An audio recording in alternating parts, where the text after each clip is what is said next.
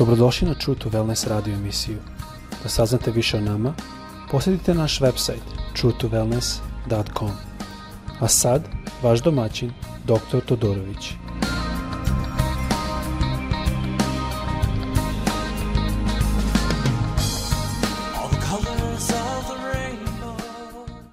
Ljubazni pozdrav na sve u ime Isusa Hrista iz Florida, odakle radim ovaj podcast – Želim da se izvinem, kao što verovatno znate i osetite i vidite, moj e, srpski malo teži.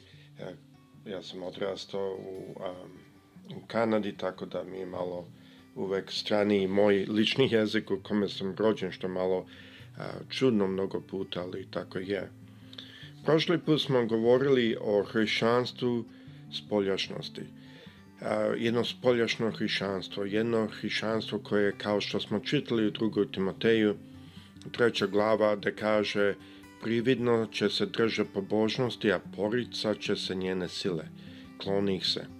I onda smo gledali zašto je to hrišanstvo tu i čitali smo dalje i našli smo jednu zanimljivu, zanimljivu stihu i jednu ideju u tom stihu, a to je da kad kaže da koji stalno uče, ali nikako ne mogu da dođu do spaznanja istine. I onda smo počeli gledati zašto. Zašto je to situacija? I onda smo čitali o karakteristikama koji su opisivali ovde. Ako se sećate, e, prvi stih u ovoj istoj glavi trećoj glavi druga Timoteja, gde je pokazao se samoljubi, sredoljubivi, hvali, savi, oholi.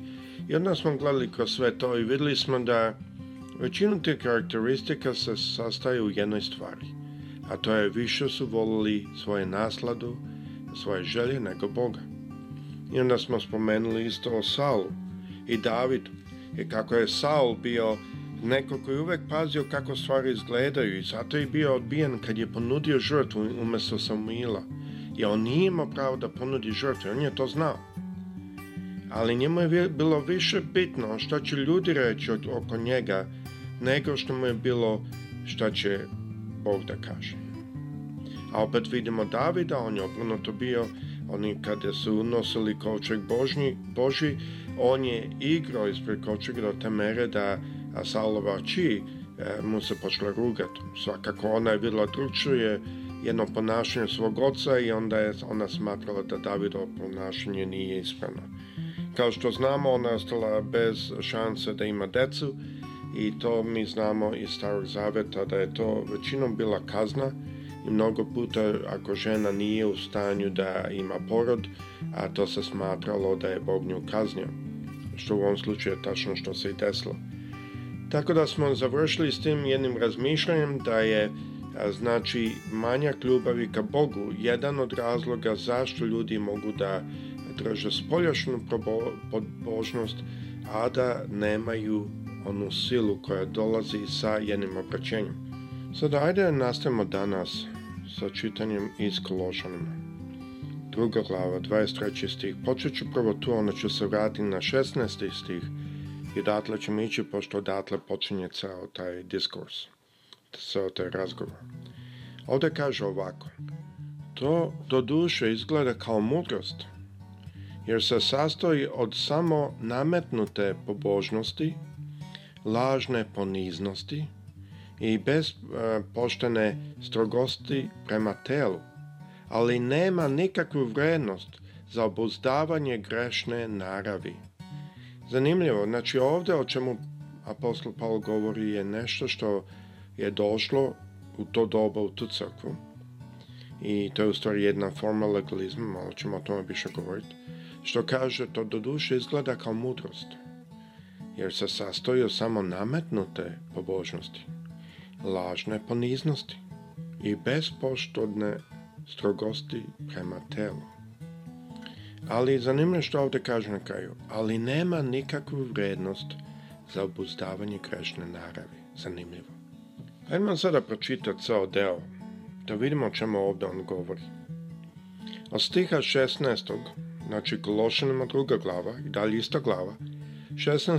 stih kaže Neka vas dakle niko ne osuđuje zbog jela i pića ili praznika ili slavljenja mladog mesec, meseca ili subote. Sada zašto on kaže ovo? Mi vidimo ovdje u Americi, a ima isto i u Srbiji da mnogi, mnoge slave sa slave u određeno doba i to sve. I dokle ja svačam da je dobro za narod da se sastane i da bude zajedno, Ja isto znam da mnogo puta kada se e, slave, slave, mnogo puta ljudi tu se i napiju. Ja sam video, barem u Kanadi dok sam rastu, da su nožovi malo igrali uloge. E, ljudi su se tukli s nožima i e, to je bilo prilično žalosno da zavidet. Ali što ovdje vidimo je da te stvari nemaju duhovnu vrednost. I čak ja lično ne idem na slavi, to sve rad, iz više razloga, ali te stvari nemaju duhovnu vrednost. Zašto? 17. kaže jer je to samo senka onoga što dolazi, a stvarnost je Hristost. U drugim rečima sve je u Isusu Hristu.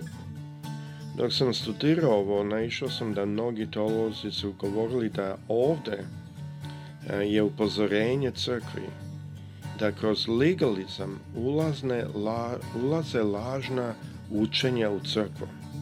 Znači, legalizam je opasan iz dva razloga. Jedan, svakako mi znamo da, da se mi možemo spasiti našom snagom, onda ne bi trebao Hrist biti tu. Ali druga strana je zato što kroz legalizam ulazi lažno učenje u crkvu. Sada vidimo u 18. stihu da kaže ovako. Neka vas ne lišava nagrade niko, tako uživa u lažnoj poniznosti i slavljenju anđela, ko rasprada o svojim viđenima, bezrazložno se pravi važan svojom telesnom pameću.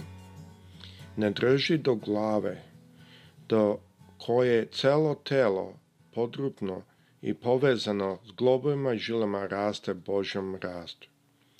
Ovde se radi naime o jednom lažnom učenju što je postalo to doba i ušlo je kroz legalizam da su počeli da služe anđelima, to jest da obožavaju anđele.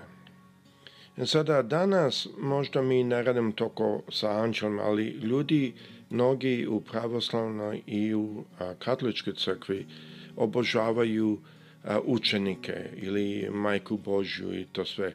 Vidimo da je to već tada počelo. Samo to doba nisu obožavali učenike, jer učenici su bili tu, to svakako ne bi daleko otišlo, niti su majku Božju u to doba, to je nešto novo što je došlo, nego više se radilo o tome da su obožavali anđele.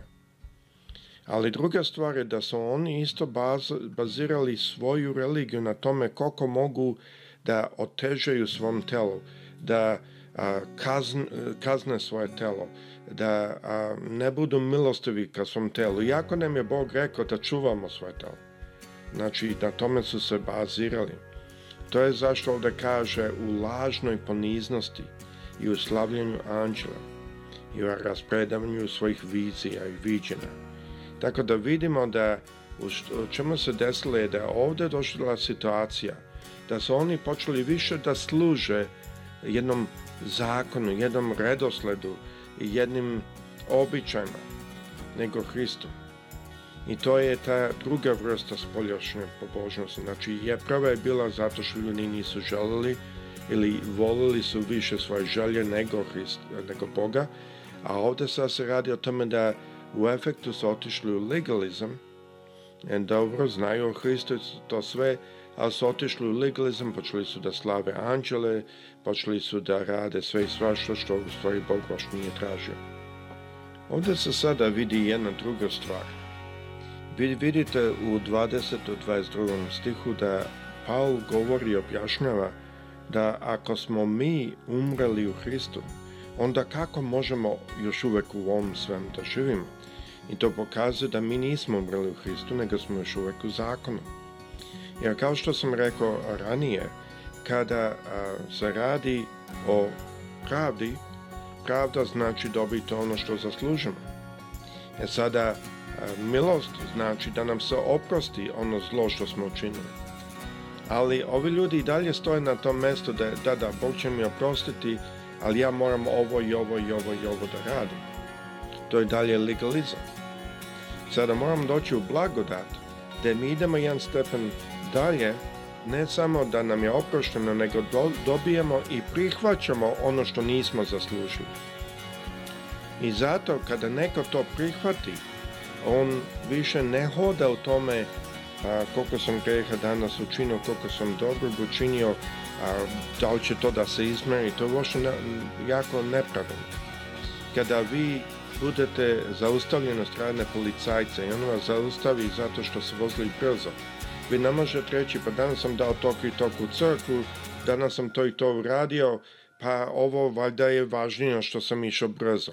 On će reći, gospodine, mene ne interesuje što ste vi danas radili, mene što interesuje je ovo sada.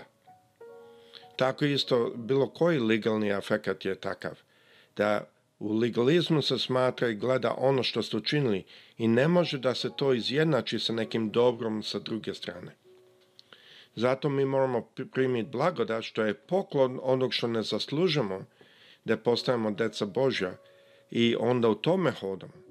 E sada mnogi pogrešno kažu, o pa onda to znači mogu živjeti kako hoću, ali dete Božje ne želi da živi kako hoće.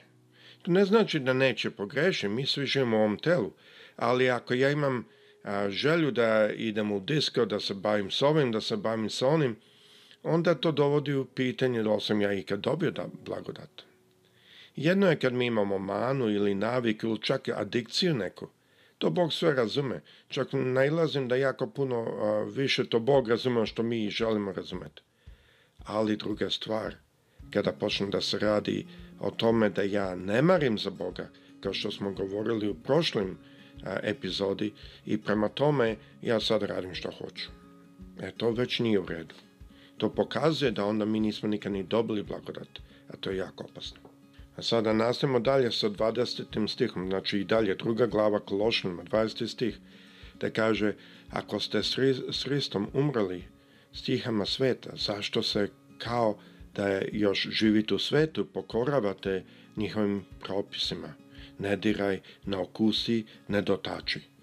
Sve to upotrebom propada jer se zasnovano na ljudskim zapovestima i učenjima. I onda dolazi stih s kojim smo i počeli.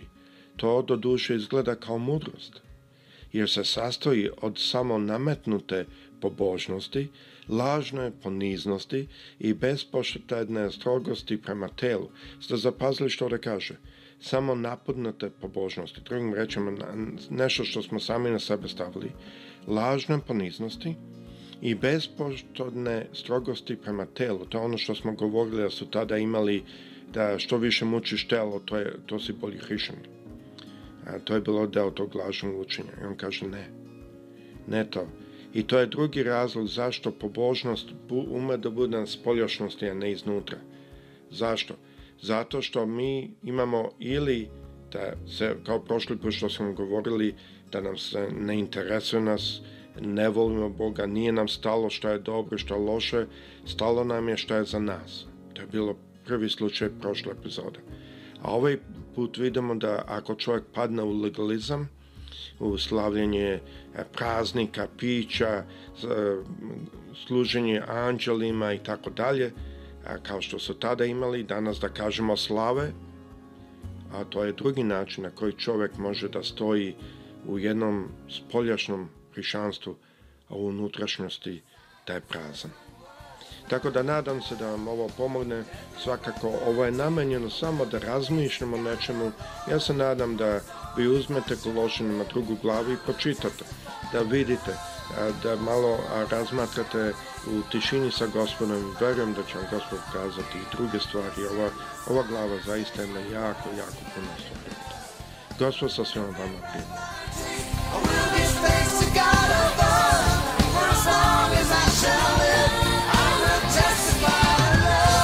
Slušate True to Wellness radio emisiju. Pridružite nam se ponovo svaki utorak, četvrtak i subotu. Za kontakt molimo posjetite naš website truetowellness.com. Naša e-mail adresa je info at truetowellness.com.